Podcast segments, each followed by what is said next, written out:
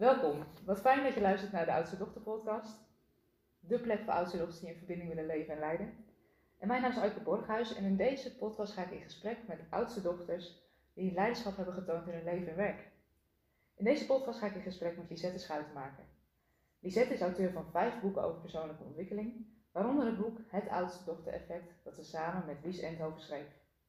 Lisette had een communicatiebedrijf dat ze met succes heeft verkocht, heeft een life gehad en heeft zich sinds de jaren 90 verdiept in het vergroten en transformeren van bewustzijn. Ze was tot voor kort voorzitter van het bestuur van het Centrum for Human Emergence in Nederland en, het, en de Vindhorn Foundation in Schotland. Ze is een actieve investeerder in pionierende bedrijven die sociaal ondernemen. Ze is spreker voor onderwijsinstellingen, organisaties en events en is regelmatig op de radio. Ik ben heel benieuwd wat dit gesprek ons gaat brengen. ik ook. Ja. Altijd benieuwd. Leuk om met je te praten hierover. Ja, dankjewel. Wat, waar zijn we hier op dit moment, Lisette? Ja, we zijn in ons uh, tijdelijke huis. Wij zitten uh, tussen twee huizen. We gaan naar Amsterdam-Noord. Ja. Dat is ook een beetje pionieren. Er wonen inmiddels al heel veel mensen. Maar daar is ook nog allerlei braakliggend land. We komen uit uh, het centrum van Amsterdam. En in de tussentijd zitten we in deze ontzettend goed gelukte wijk, de Houthavens. Leuk.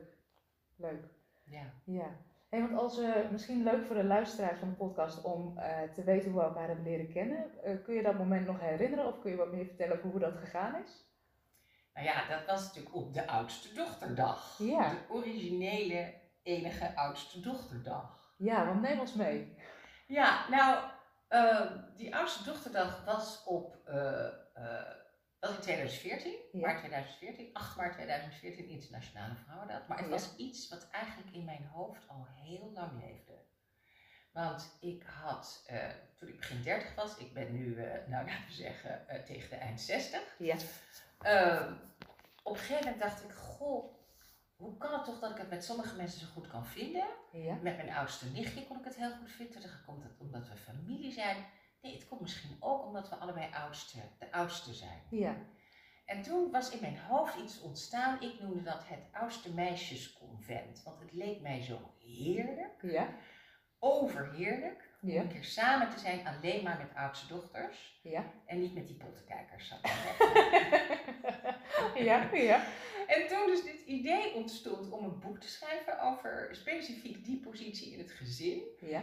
En uh, ook bij mij het idee ontstond om dat samen met een van mijn beste vriendinnen te doen. Ook een oudste dochter, Lies ja. Endhoven. En toen dachten we, nou hoe gaan we dan die research organiseren? Laten we dat. Toen kwam ik met dat idee, dat idiote idee van het oudste meisjesconvent. En, en zo ontstond het idee om echt een dag te organiseren alleen maar voor oudste dochters. Ja. En die is prachtig gefaciliteerd door Lenneke Albers en Pamela van den Berg. Ja. En we hadden allemaal work, nee, zij hadden eigenlijk allemaal workshops bedacht, waar dan dus informatie uit omhoog kwam, maar die moesten gefaciliteerd worden. Ja. En uh, een van die workshops, een van mijn favorieten was uh, bijvoorbeeld de vraag: wanneer besefte je dat je een oudste dochter bent? Ja. En het verrassende wat daaruit naar voren kwam, is sommigen die wisten het meteen toen de tweede kwam, ja. maar een ander zei: ik wist het pas toen ik eh, executeur testamentair was. Toen besefte ik pas, oh ja, ik ben natuurlijk de oudste. Dat valt natuurlijk aan mij toe. Hè?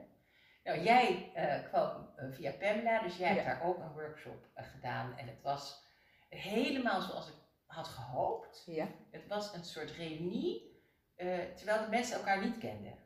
Ja dat kan ik me ook nog goed herinneren van de dag. We kwamen binnen. Kun je dat gevoel eens omschrijven hoe dat was toen al die oudste dochters daar binnen ja, op die dag? Ja, we hadden dat gedaan in die filmstudio's van de man van, van Wies. En, en mensen kwamen zo'n beetje binnen, want we hadden heel weinig informatie gegeven over wat er dan zou gebeuren. Ja.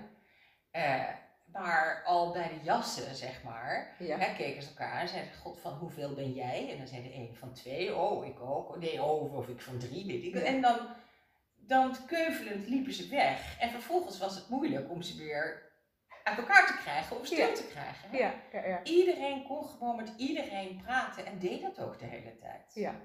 We bleken zoveel gemeenschappelijk te hebben. Ja, want, want die dag was fantastisch. Ik kan me ook nog heel goed herinneren dat ik daarbij mocht zijn. Het was ook echt een feestje. Um, en hoe zijn jullie na die dag verder gegaan met al die inzichten die jullie opgehaald hebben uit die dag? Ja, ja, wij hadden heel veel inzichten, heel veel tekeningen, heel veel vellen met post-its, want we hebben ook allemaal vragen gesteld. is je beste, is je man, oudste, jongste, middelste? Is je beste vriendin, oudste, jongste, middelste? Wat voor werk doe je? Dus we hadden enorme velle papier, enorm veel inzicht. We hadden natuurlijk de rapportjes, jullie hadden allemaal heel lief als vrijwilligers, hè, uh, ook dingen geschreven. En daar hebben we naar gestaard en gestaard. Want het idee van op deze manier onderzoek doen voor een boek, is dat je gaat het veld in. Je hebt niet een hypothese, maar je gaat open, met een open blik het veld in. Je gaat informatie verzamelen. En als je dat maar lang genoeg categoriseert en naar kijkt, en we gaan natuurlijk ook allemaal boeken lezen, want we zijn oudste dochters, dus we moeten wel degelijk aanpakken. Goed onderzoek. Goed onderzoek. En dan op een gegeven moment rijst er een soort beeld omhoog. Ja. Nou ja, dat duurt natuurlijk vaak ietsje langer dan je denkt of hoopt. Dus, uh, en in het begin, ik weet ook nog zo goed van de visie, ik dacht, nou we gaan een beetje, we gaan niet een te serieus boek schrijven. Ja. We gaan een beetje een makkelijk boek schrijven. Nou, ja. dat is natuurlijk eigenlijk een soort contradictie in terminis, want ja, het boek is niet een moeilijk boek, ja. maar het is niet helemaal zo luchtig licht als we ook gedacht hadden dat het zou kunnen zijn. Ja.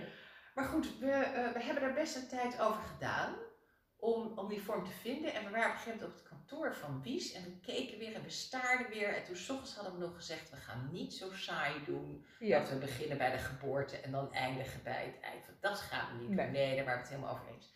En aan het eind van de dag zeiden we, ja, dat is toch hoe het gaat. Dat is toch die rode draad. En, en, ja, hoe makkelijk kan het zijn, zeg je achteraf. Maar ja, het duurde voor ons toch veel staren, veel praten, veel lezen, veel denken. Voordat we dat gevonden hadden. En, en uh, ja, dus eigenlijk, eh, eh, dus, dus de opbouw van het boek is, is, nou ja, hoe is dat zo in de eerste jaren van het leven? Want eerst ben je natuurlijk een enig kind. Ja. Hè, je bent, uh, uh, ja, het zonnetje in huis, de, de, de, de planeet waar alle anderen omheen draaien, zeg maar. En, en dan op een dag is er uh, begin je aan je wateren te voelen dat er iets misgaat, zou ik maar zeggen. En komt de onttroning. Ja. En wordt ineens gezegd, nee, je bent nu een grote meid, jij kan dat wel zelf. Want ik heb nu de baby op schoot. Nou, dus dat hebben we eigenlijk beschreven. En ook hoe, hoe gelukkig mensen zijn met hun eerste, allerlei onderzoek daarbij gehaald. En het tweede deel van het boek is meer, hoe werkt het dan later uit? Met relaties, met werk. Uh, met, uh, ja, met de rest van de familie toch ook weer. Ja. En daartussen is het eigenlijk een hoofdstuk over wat we noemen de vijf grote eigenschappen. Ja, wat kun je ons daar eens in meenemen? Die vijf grote eigenschappen. Wat hebben Wies en jij ontdekt in dat onderzoek?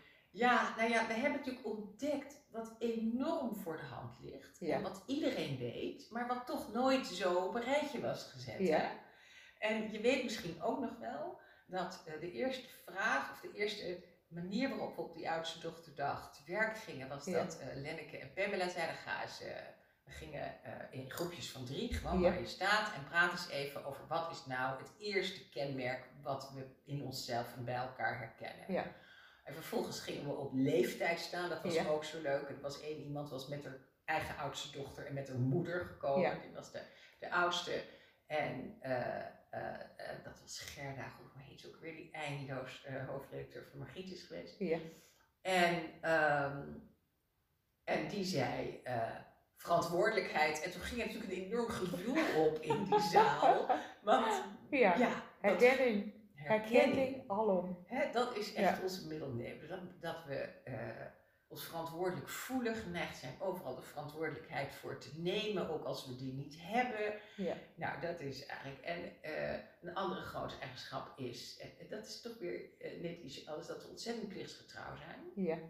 Dus als wij zeggen dat we iets doen, ook al moet het s'nachts tussen drie en vier, wij doen het. Ja. Je kunt ervan op aan. En, en het is niet alleen gedaan, het is ook echt grondig gedaan. Ja. Dat was ook heel erg leuk met de voorbereiding van de oudste dochterdag. Want we hebben maar drie keer met het team vergaderd. Ja. En dan spraken we af, nou die doet dit, die doet dit, die doet dit, die doet dit. En dan kwamen we bij die volgende bespreking en dan had iedereen niet alleen dat gedaan, maar ook al drie stappen vooruit. Ja. Weet je wel? Dus dat was echt, en dat hele plichtsgetrouw en ook zeg maar niet kunnen slapen als je je werkje niet af hebt. Ja. Dat ja. is ook, ook een handicap, maar ook ja. waardoor je de dingen goed voor elkaar hebt. Ja. Nou ja, dan zijn we natuurlijk, uh, het is ook weer een ander aspect van, ja, ontzettend serieus. Ja. Ook later in het werk uh, zagen mensen hebben allemaal gewoon serieuze beroepen en nemen dat ook heel serieus. We zijn serieus bezig. En als ze zelf een kind krijgen, gaan ze zich inlezen. Want ze gaan zich serieus voor. En we zijn vaak niet. Eh, we kunnen wel gangmaker zijn, maar we zijn niet heel erg van de grappen en de grollen. Het is toch, we zijn toch meer ja, die serieuze types. En we zijn ook uh, vaak reuze praktisch. Ja. Hands-on is dat in het Engels geworden. Ja. Want ja, we zien gewoon wat er moet gebeuren. En uh, we zien ook dat niemand het doet. Nou, beginnen we vast. En nou, dan gaan we dat ook een beetje organiseren natuurlijk. Ja. En dan, wat is de vijfde ook weer? Weet jij die, weet jij die nog? Zorgzaam. Oh ja, zorgzaam. Oh ja, ja, die komt meer uit Wiesterkoker dan uit mijn koker. Omdat ik mezelf niet als uitermate zorgzaam uh, beleef. Wies wel, die is ontzettend zorgzaam voor iedereen in haar directe omgeving. En uh, dat zie ik ook haar heel erg doen. Uh, Wies had vroeger een kantoor, een eigen kantoor, een eigen ruimte binnen het communicatiebureau wat ik had weer met een partner. En, en ze zei, ja, maar jij was echt zorgzaam voor je klanten, voor je medewerkers. Jij was daar de soort moeder eigenlijk. En ook in organisaties waar ik in besturen zit, daar merk ik ook dat ik ja, mensen echt in de gaten houden. En als ik weet dat iemand geopereerd wordt, dan zorg ik dat er bloemen gestuurd worden. Dus dat is mijn soort zorgzaamheid. Uh, en ik heb ook wel ja, zorgzaamheid voor de wereld, zou ik maar zeggen. Ja. Maar dat is waar, dat zorgzaam, maar dat zorgzame meer zorgend, dat heb ik gewoon iets minder. Nee, ik denk, het is wel grappig, ik herken dat zelf ook. Het is vaak wel van betekenis willen zijn of het geheel willen versterken, maar ik merk het vertroetelen bijvoorbeeld ook niet, maar wel zien wat anderen ook nodig hebben. Ja. Dus dat eigenlijk wel heel snel in de gaten hebben. Ja, precies. Ja, mooi. En toen heb je dat, dat boek geschreven, een heel proces. Je zegt. Ja, nou ja, toen we het eenmaal hadden. Ja, toen de lijn helder was. Ja, Dan, toen viel het ook wel op zijn plek. Ja. En het is natuurlijk uh, het leuke aan het tweeën een boek schrijven, is dat je maar de helft van de hoofdstukken schrijft. Ja. En dat je een hoofdstuk hebt geschreven, stuur het naar die ander. En ja. uh, die, die weet er net zoveel van als jij. Ja. Ja. Behalve dat natuurlijk sommige onderdelen, ja, de ene het boek beter heeft gelezen, omdat het dan weer dat hoofdstuk er. En dus het was een ontzettend fijn proces om dat samen te doen. Ja, want het is ook allebei oudste dochter, vriendinnen. Ja. Ja. en toen, toen was dat boek Ja, ook wel een beetje twee kapiteins per schip. Oké, ja, dat kan ik ook voorstellen. Ja, een beetje wrijving gehad af en toe. Dat was ook wel grappig. En ook dat je echt zo... Want we zijn natuurlijk ook kritisch, dat hadden we ook nog met die eigenschappen kunnen zetten. Kritisch op onszelf, maar ook wel ten opzichte van elkaar. Ja. Ehm, dus het was, uh, ja, ik vond het super om te doen. Ik zou het zo weer doen. Ehm, maar het was ook, uh, nou ja, heftig soms. Ja, snap ik. Ja. En toen was de boekpresentatie er. Het boek uh, zag het levenslicht. Hoe is het daarna verder gegaan met jullie, met, met het oudste dochterthema, met het boek?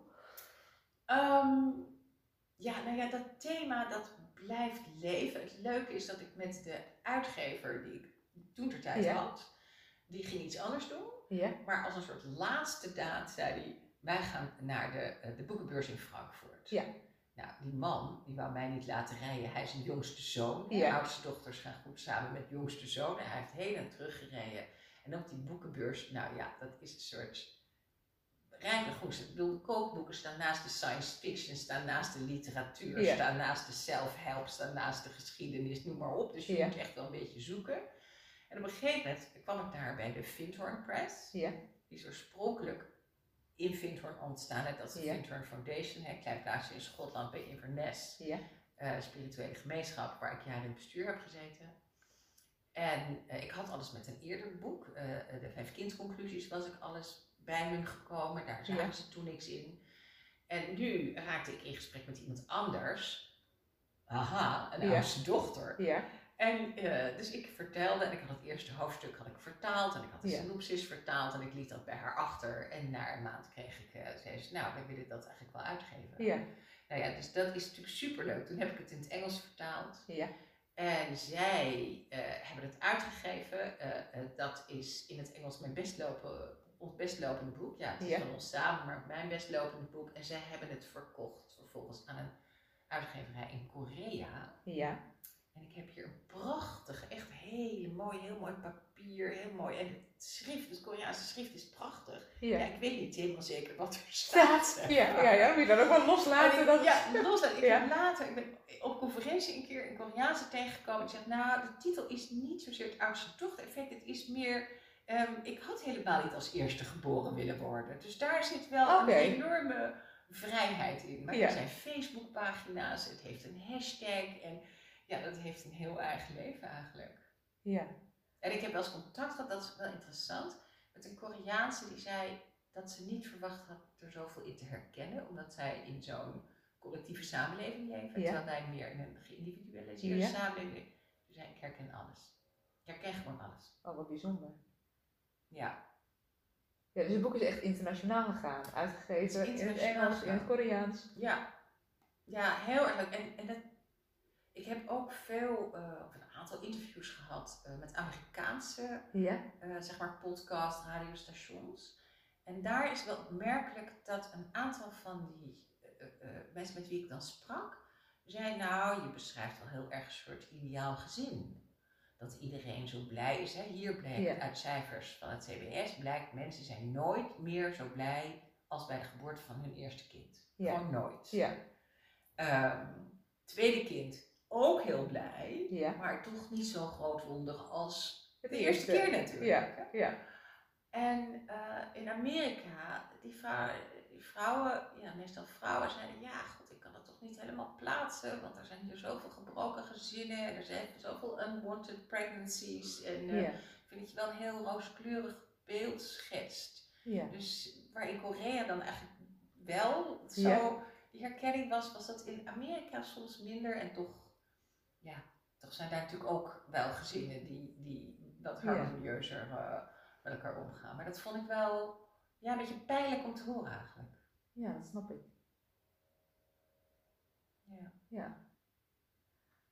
Maar als je terugkrijgt naar de, naar de beurs in Frankfurt, je, je gaf aan Vindhorn, uh, mensen daar ontmoet, is dat ook de start geweest van jouw uh, bestuurlijke activiteiten in Vindhorn? Nee, nee, nee, ik zat toen al in het bestuur. Je zat al in het bestuur, toen kwam je ze tegen, ja. Ja, toen kwam ik ze daar tegen en dat is, uh, ze heette de Vindhorn Press, omdat het allemaal uit dezelfde impuls van we leiden met z'n allen één leven. We zijn allemaal onderdeel van het ene leven. Ja. We zijn allemaal facetten van het ene leven. Daar zijn een heel aantal uh, dingen uit voortgekomen. Dus de Vintern Press, de Vintern Foundation, die uh, allerlei opleidingen daarvoor zorgt. Ja. En waar wij ook de Eldest Daughter Retreat inmiddels uh, doen. Ja. Maar je hebt ook Vintern Flower Essences. Dus dat zijn allemaal losse onderdelen die allemaal daar hun, hun roots en, en vaak hun hoofdkantoor hebben. Ja, en kun je eens iets vertellen hoe dat oudste dochter de retreat in, in Vindhoorn is ontstaan? Ja, dat was, kijk, ik zat daar in bestuur, was ik met dit thema bezig. Ja, ja. En uh, op een gegeven moment zei een van mijn medebestuursleden, god grappig, ik ben ook een oudste dochter. En een ander hoorde dat en zei, oh, ik ben ook een oudste dochter. We hadden een bestuur van acht, vijf vrouwen, drie mannen. Ja. Allemaal oudste dochters. Ja. En allemaal jongste zonen volgens mij. Ja, en allemaal jongste zonen. Wat bijzonder. Echt de ideale combinatie. Ja, ja. en toen zei een van die vrouwen, goh, uh, nou, als dat zo'n thema is, en ook een thema met leiderschap, waar jij natuurlijk ook mee bezig bent, uh, waarom dan niet hier een retreat organiseren? Ja. En ik dacht, dat is natuurlijk heerlijk, want dan, ik heb nu die oudste dochterdag gehad, ja. maar om gewoon jaarlijks een plek te creëren waar je uh, drie dagen drieënhalve dag met elkaar weer eens even daarin duikt en in je levensloop kijkt. Uh, ook keihard moet lachen omdat je ziet dat iemand anders bij het eten de tafels weer gaat organiseren en zo, weet je wel? Ja. Dus dat is echt een hele mooie plek. Elk jaar is het natuurlijk anders. Ja. Uh, van begin af aan is het, wordt het geleid door Jill Emsley, ook een oudste, oudste van vier. Uh, ja, die dat heerlijk doet. Ja. Uh, het eerste jaar kwamen er twee vrouwen van Mileda en Jane Sturlet uh, van Mileda Engeland, die, die hebben meteen gezegd, goh, wil je in het team komen? Geven ja. dat met z'n drieën vorm. Ja. En samen natuurlijk met mensen van de Vindhorn Foundation. En Jane brengt dan ook allemaal Mileda producten mee. En dan hebben we ook een heerlijke avond van dat je leert hoe je de handen van een ander en ook van jezelf kunt masseren. Ja. En, met al die producten. Dus we zijn ook niet alleen maar serieus bezig, hoewel we natuurlijk wel dan weer wat leren. Ja, ja, ja. ja maar het is dat leren ontwikkeling is wel echt ook een rode draad in het leven van oudste dochters. Tenminste, dat wat het ik is wel, nooit ja. zomaar la even iets doen. Nee, nee, dat is echt iets dat we mogen leren. En dat je ook zegt van mag het ook speels en mag het ook licht. Dat is echt wel een uitnodiging aan oudste dochters. Ja. En ja, ik denk ook aan jou en mij om dat gewoon weer toe te laten ook. Ja. Ja. En tegelijkertijd ben ik ook graag serieus en ben ik ook graag met serieuze dingen bezig. Uh, ja. Dat vind ik gewoon heerlijk. Ja, want als ik zo naar je kijk, dan ben je ook altijd, eh, zolang ik je ken of vol vanaf te zijn, altijd ook maatschappelijk betrokken bezig geweest. Ja, ik heb altijd in besturen gezeten van fondsen en van uh, plekken waar het echt over bewustzijnsontwikkeling en zelfontplooiing ging. En nu ben ik eigenlijk weer, uh, ik ben heel vroeg ingestapt in een impact investing fonds, toen ja. dat ook helemaal nog niet zo noemde. Hè. impact investing is echt dat je uh, investeert in bedrijven die een, een positieve bijdrage leveren aan de wereld, voor zover we dat nu kunnen overzien. Ja. Ehm, en uh, ja, ik vind dat prachtig om die pioniers tegen te komen en, en te kunnen ondersteunen en te kunnen zien wat die doen. Uh, bijvoorbeeld in de landbouw, hele andere nieuwe methodes om te zorgen dat je de aarde niet uitput, maar en ook niet dat je alleen maar sustainable bent, duurzaam bent, maar dat je eigenlijk de aarde verrijkt. Ja. Want uh, dat is namelijk nodig na al die eeuwen van uitputtingsslag en roofbouw die we gepleegd hebben. Maar dus dan zit ik daar weer in besturen en ik, ik vind, ik, ik bedoel, ik grap wel eens als ik nog een business card, dat hebben we eigenlijk niet meer, die, die visitekaartjes, maar als ik het nog eens zou moeten maken. Ja, wat zou erop staan? Dan zou erop staan professionele bemoeial. ja, professionele, ja, ja. Ja. Verklaar je nader. Ik denk dat ik wel wel... Nou ja. ik bemoei me gewoon graag met dingen. Ja. En, uh, en en, en in, op, de prof, op het professionele vlak. Ja. En ja, ik pak het natuurlijk ook wel professioneel aan. Dus ja, uh, ja ik, want gewoon bemoeial, bemoeial is ook een kreet die een beetje hmm, niet helemaal een goede bijklank heeft, vind ja. ik. Hè? Ja. heb je er weer. Ja. En zo is het misschien soms ook een beetje. ja. Heel vaak heb ik toch, en ik denk dat veel oudste dochters dat ook herkennen, dat, dat als je je bemoeit, dat mensen dat eigenlijk wel fijn vinden en zeggen, nou kun je het nog een beetje meer doen. En voor je het weet ben je weer de voorzitter of de leider van een project. Ja. En uh, hangt het weer aan je fiets. Maar dat vinden we ook fijn. Ja, want ik herken dat nog wel toen ik terugkwam van zwangerschapsverlof. Dan had iemand anders had mij, had mij waargenomen en ik kwam terug en het eerste van mijn collega tegen me zei, wat fijn dat je er bent, want dan weet ik in ieder geval zeker dat het goed geregeld wordt. Ja. Ja, dus dit, dat is vaak wel, als er een oudste dochter bij zit, weet je dat het boel gewoon goed geregeld wordt. Ja, dit ook wel eens als we zulke dingen zeggen tot irritatie van mensen met een andere plek in het gezin. Hè? Ja. Uh, uh, mijn, uh, mijn zusje, mijn nichtjes kunnen echt wel een beetje zo mij zeggen van nou denk nou niet dat jij de enige bent die alles kunt. Wij, van de derde plaats, als onze jongste. Ja. En zo heeft elke positie heeft natuurlijk ook uh, zeg maar eigen kenmerken. Ja. Ja, en wat ik zo mooi vind, als je daar bewust van bent, kan je soms ook zeggen van oké, weet je, ik doe even een stapje terug. Ja. Waardoor iemand anders wat meer ruimte krijgt of, of om dingen op een andere manier te doen. Want dat is het ook. Dus ik weet, een van mijn valkuilen is dat ik ook vaak wel weet hoe ik het hebben wil. Uh, dus, en dan moet het ook wel zo worden. Ja, ja en dat is... Dus dat is een beetje loslaten. Ja, dus dat heb ik echt wel moeten leren. Zo van, andere mensen doen dingen op een andere manier, maar heel vaak is het resultaat eigenlijk hetzelfde. Eigenlijk heel leuk vinden. Ja. En daar misschien ook nog weer wat van leren. Komt dat leren weer. Ja. Maar dat is natuurlijk, uh, hè, bij mijn boeken is het vaak, er zijn patronen in onze levens. Ja. En uh, wie zegt dat ook zo mooi? Die zegt van, uh, heb jij het patroon of heeft het patroon jou? Hè? Ja. Dus zolang je er niet van bewust bent, heeft het patroon jou. En op het moment dat je daar ja, je bewust van raakt en echt die kenmerken ziet en jezelf weer dat, uh, dat gebaande pad in ziet rennen, dan kan je zeggen, oh wacht even, wacht even. Ik ga het patroon hebben en dan kan ik eigenlijk kiezen of, of ik het wel of niet doe. Klopt, ja, dus die, dat bewustzijn daarop is eigenlijk echt de eerste stap. Ja. Want wanneer werd je bewust van dat veel van de eigenschappen zoals je, die jij ontdekte, ook, ook bij het oudste dochterstuk, uh, hoorde dat dat echt van dat oudste dochter te maken had die plek in dat gezin? Nou ja, dat kwam eigenlijk echt door dat onderzoek wat we gedaan hebben. En toen herkenden we dat natuurlijk meteen. Ja. Maar ja, voor zover wij weten, zijn wij toch de eerste die dat zo geformuleerd hebben. Ja. En het ligt dan meteen zo voor de hand dat je denkt, hoe moeilijk kan het zijn? Maar ja. ja, juist omdat het zo eigen is, is het ook wel moeilijk om te zien. Ja, snap ik. Ja, en dat is eigenlijk ook wel heel mooi als ik dan kijk naar het systemisch werk. Dat is ook eigenlijk het uitzoomen, zodat je van een afstandje gaat kijken naar wat zijn die patronen. Dus, ja. dus dat op zoek naar patronen, of dat, dat hebben we ook wel gemeen. Ja, dat vind ik heerlijk om patronen te ontdekken. Ja. Wat levert je dat op, die patronen ontdekken? Nou, er minder aan ten prooi zijn zelf. Ja. Uh, uh, en ze ook bij anderen zien. En dus dat je minder uh, ook reageert op wat er gebeurt. Maar dat je meer ziet, oh, nu zitten we in een bepaald patroon. Ja. En, en daar kan ik in meegaan of niet in meegaan. Hè? Ja. En misschien nog even een voorbeeld van de oudste dochter. Mijn moeder was, uh, even kijken, 2018, was 80. Ja. Nee, 86, 87 toen het boek uitkwam. 87, die ja. heeft dat gelezen. Ja. En uh, die zei, goh, nu begrijp ik eindelijk die dynamiek tussen jou en jouw broer. Oh, wat bijzonder. Ja, dat was heel erg mooi. Dat was heel erg mooi. En ik zei, nou, ik begrijp het ook nu, eindelijk. Ja. Want wat er vaak gebeurt, hè, bij veel Ja. oudste dochters, als de tweede wordt geboren, dan schrik je. Ja. En dan gaan wij onze positie als het ware inverdienen. Ja. Je denkt, eh, als er nieuwe bloemen komen, gaan de oude bloemen in de vuilnisbak. Rita Koonstam heeft dat in ons voorwoord ook zo mooi gezegd. Als er een nieuwe bank, Bank, komt, wordt ja. de oude bank afgevoerd. Als er een nieuw kind komt, Ja. wat gebeurt er dan met dat eerste kind? Dus je gaat braaf worden en dat inverdienen.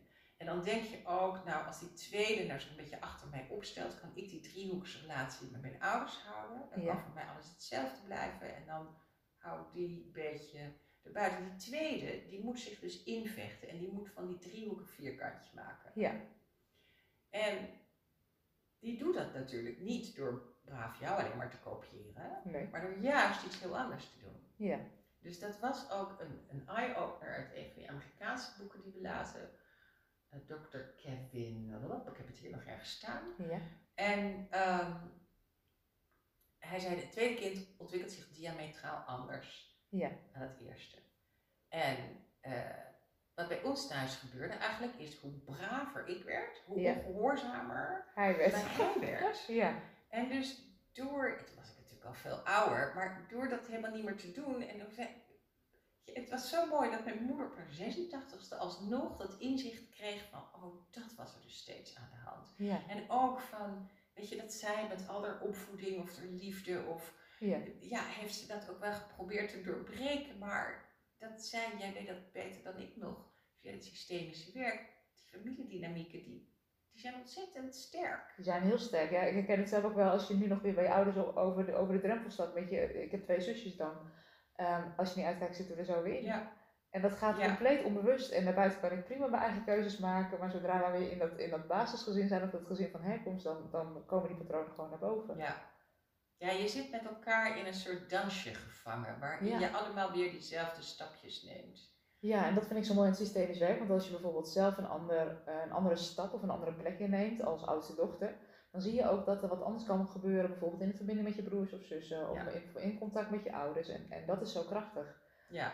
Ja, dus dat is waardevol. Ja, en dat helpt dus ook door systemisch werk te doen. Ja. En de opstelling, maar het helpt ook door het boek te lezen en te denken, oh wauw, daar ben ik dus in gevangen. Als ik Ja. die, die dansstappen niet zet of verander of niet op die manier reageer, dan bevrijd ik eigenlijk het hele systeem en bevrijd ik ook die ander. Zeker.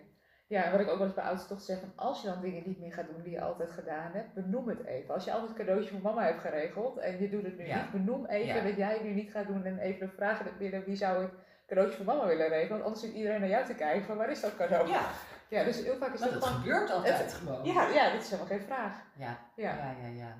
ja. Want als je kijkt naar een van de, de rode draden die ik heel erg zie bij eh oudste dochters, en je noemde hem zelf ook als eerste eigenschap, is echt dat grote verantwoordelijkheidsgevoel. Ehm, wat betekent dat voor oudste dochters in het werkende leven? Ja, nou, het, het, het betekent eigenlijk verschillende dingen. Ik moet heel even denken aan iemand eh, die eh, in Vindhoorn eh, op de retreat was Ja. als oudste dochter. En zij sprak Engels, maar ze is Duits, dus ze zei echt zo heel mooi van... I save the world. And then my younger sister saves me. ja, ja, ja. Dus het is, we hebben uh, vaak wel, uh, ja, we willen het groot aanpakken. Ja. Serieuze dingen doen in ons werk. Met serieuze dingen bezig zijn. Ja. Die ook vaak maatschappelijk echt wel relevantie hebben. Ja. En uh, ja, we, we, we, willen ook wel omhoog. En, en leiderschap is iets wat van jongs af aan eigenlijk geleerd hebben. Ja, want hoe heeft dat zich geuit in jouw werkende leven? Nou, is dat ik eigenlijk overal, ik heb maar heel kort echt bij bedrijf gewerkt. Ja.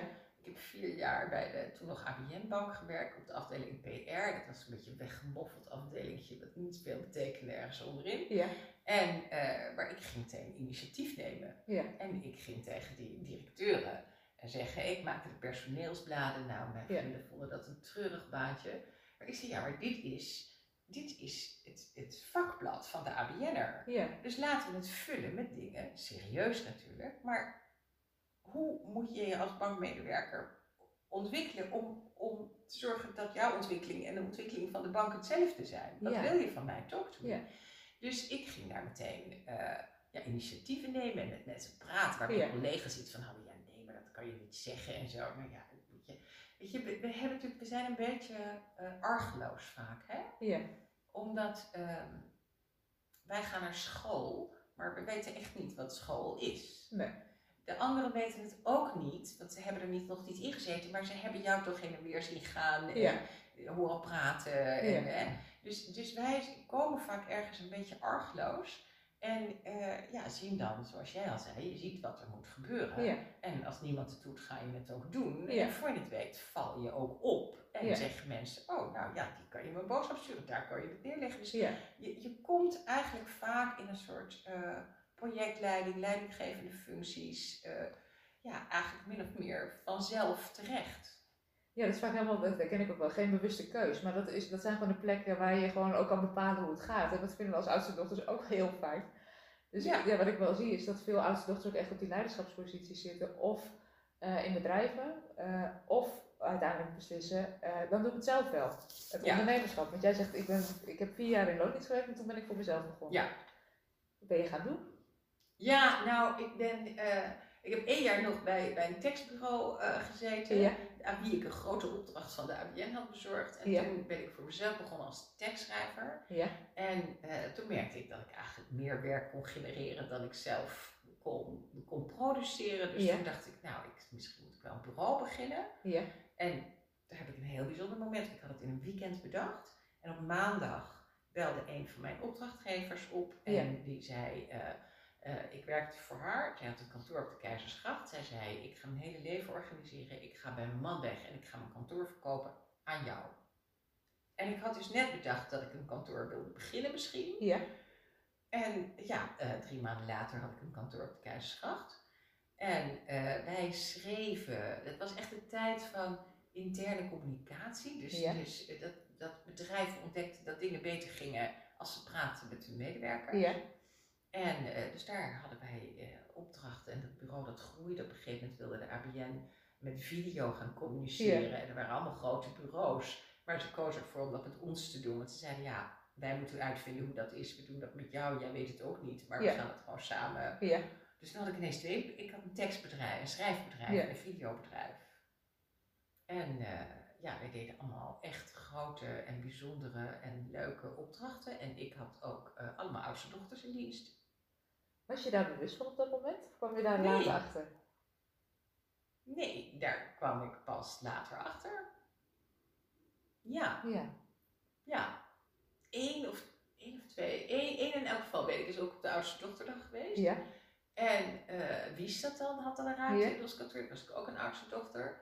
En ik ben op een gegeven moment een partnership aangegaan met uh, ja, iemand die wel uh, de jongste van twee is, maar daarna heeft, er zijn toch ook nog andere kinderen in het ja. gezin gekomen. Ja. Uh, bij het tweede huwelijk van, van haar ouders. Ja, tweede huwelijken van haar ouders. Maar um, Nee, ik was me er toen niet van bewust dat zij ook allemaal oudste dochters waren. Maar, maar die, er is toch een soort, weet je wel, herkenning. Ja. Ja, ik ken het zelf ook. Ik was, als ik kijk naar, de, naar, naar mijn team, de mensen met wie ik werk, ik heb ze er niet op uitgezocht, maar het zijn allemaal oudste dochters. Uh, ja. En het is gewoon heel fijn, want je hebt vaak, aan, net wat jij ook zegt, een half woord genoeg. En, en ze, willen, ja, ze gaan ook allemaal voor, voor die kwaliteit. Ze willen gewoon goed werk afleveren. Dus het gaat heel, ja, eigenlijk heel soepel. Ja, en je begrijpt elkaar gewoon heel goed. Het is een beetje, als je met vrienden met vakantie gaat, dan moet je een beetje hetzelfde idee hebben van waar je het leuk vindt om te slapen en van geld. Maar ook van dat iedereen, als je zegt om negen uur ontbijten, dat ook prettig vindt en er ook is en zo. Hè? En zo, ja, zo merk je met wie kan je fijn met vakantie gaan, maar met wie kan je fijn werken. Ja, ja wij kunnen gewoon echt goed. En dan ook met jongste zonen, die wil ik er toch wel even inbrengen. Dat zijn uh, natuurlijk, uh, er is ook studie geweest over wie onze beste levenspartner is. Ja. Nou, als dat een man is, want dat is natuurlijk niet voor iedereen, dan is, uh, uh, God, hoe beschreef je dat nou? De jongste zoon uh, die zusjes boven zich heeft. Ja. Nou, dat is echt de grote zoon. Dat is echt de gedroomde partner. Ja. Want die heeft zeg maar zo van nee is gekeken naar al die trammeland, al dat gedoe van die zusjes. erboven, ja. En die ziet ook van, oh, er wordt veel stof, veel stof opwaaien, maar laat ze maar gewoon en dan komt het allemaal vanzelf wel weer goed. Ja. Dus die, en dat was ook grappig, dat de uitgever was de jongste zoon. Uh, um, de twee mannen van de studio, de man van Wies, mijn eigen man is de jongste zoon, maar ook de twee mannen van de studio waar we de oudste dochter dag hadden, die waren ook jongste zoon. Dus daar zaten we gewoon in die ideale combinatie. Helemaal niet, ja, niet van tevoren geregisseerd door ons, maar wel door het leven. Ja, bijzonder. Ja, als ik kijk naar mijn eigen partner, wij zijn bijna 24 jaar samen, is een oudste zoon. Dus het is Oh ja. Maar, maar omdat we allebei die oudste, ja. die oudste kinddynamiek herkennen, gaat het eigenlijk ook heel goed. Nou, ja. kijk, koningsparen doen het allemaal, hè? Oké. en natuurlijk ja. van oudsher, je kunt de kroonprins niet met een jongste dochter afschepen. Die, die krijgt er ook een oudste. Ja. Maar ja, Wies die zei op een gegeven moment, dat moet je toch met die koningshuis? Ik zei, nou, ik vind dat gewoon interessant. Kijk daar toch die zijn allemaal, al die, die prinsen, Europese prinsen, die trouwen allemaal met oudste dochters. Ja. ja. Maxima is ook, die is natuurlijk ook een soort tweede, tweede huwelijk uh, geval. Ja. Maar daar zie je toch ook een patroon. Dus die oudste, daar, daar begrijp je elkaar natuurlijk ook. En er zijn ook allemaal andere combinaties. Maar, die ook prima werken. Ja. ja. ja. Mooi. Want je hebt toen een tijd het communicatiebedrijf op bureau gehad. En volgens mij is daar toen iets gebeurd waardoor je op een gegeven moment voelde, ik ben toe aan een volgende stap. Ja, ik heb eigenlijk, ehm, ik weet dat moment nog heel goed. Ik had toen inmiddels had ik een kantoor uh, op de hoek van het Vondelpark. Ik zat achter mijn bureau. Ik zat teksten te schrijven voor het bijjournaal van de Bijenkorf. Ja. En dat ging over de kerstversiering en allemaal paarse dingen. En ineens, uh, ja, klapte als het ware mijn bewustzijn open. Ja. En ineens dacht ik, hé, maar vorig jaar zeiden we nog dat alles rood of goud of groen of zo moest zijn. En wat doet dat doen bedrijven, dat doet Axel Nobel eigenlijk met zijn chemisch afval. Wat voor criteria legt ABN eigenlijk aan voor wat ze wel niet financieren? En dus ineens kreeg ik een wijder bewustzijn en ging ik vragen stellen. Ik was altijd een beetje zo his master's voice geweest, zou ik maar zeggen. Ja. En ging ik vragen stellen die toen ook nog vrij ongebruikelijk waren. Ik denk nu zijn al die grote bedrijven daarmee bezig. Met ook duurzaamheid en met uh, ja, hun uh, maatschappelijke bijdrage. Maar toen was het heel erg nog zo, een bedrijf bestaat om winst te maken en om te blijven bestaan, zeg ja. maar. En ik dacht steeds, dat kan toch niet genoeg zijn. Um, maar goed, toen, toen kon ik eigenlijk dat werk niet meer doen. En toen heb ik gelukkig allebei die bedrijven mijn helft ervan kunnen ja. verkopen. En, maar toen zat ik ineens in het vrije veld. Dankjewel voor het luisteren naar deze Oudste Dochter podcast. Je hebt geluisterd naar een gesprek tussen Lisette Schuitenmaker en Aike Borghuis. Zoals je hebt kunnen horen is deze aflevering of dit gesprek nog niet afgelopen. Maar om het behapbaar te houden hebben we de podcast in twee delen geknipt. Volgende week komt er een nieuwe aflevering online. Mocht je het tweede deel van het interview niet willen missen, abonneer je dan even. Je krijgt dan een berichtje als het vervolg van het interview online staat. Wil je meer weten over Lisette? Neem dan een kijkje op haar website www.lisetteschuitenmaker.nl. Vond je deze podcast nou interessant en ken je oudste dochters voor wie deze podcast ook waardevol zou kunnen zijn? dan zou je ons helpen door deze podcast te verspreiden. Zo bereiken we nog meer oudste dochters. We wensen je een hele fijne dag. Dankjewel voor het luisteren en tot volgende week.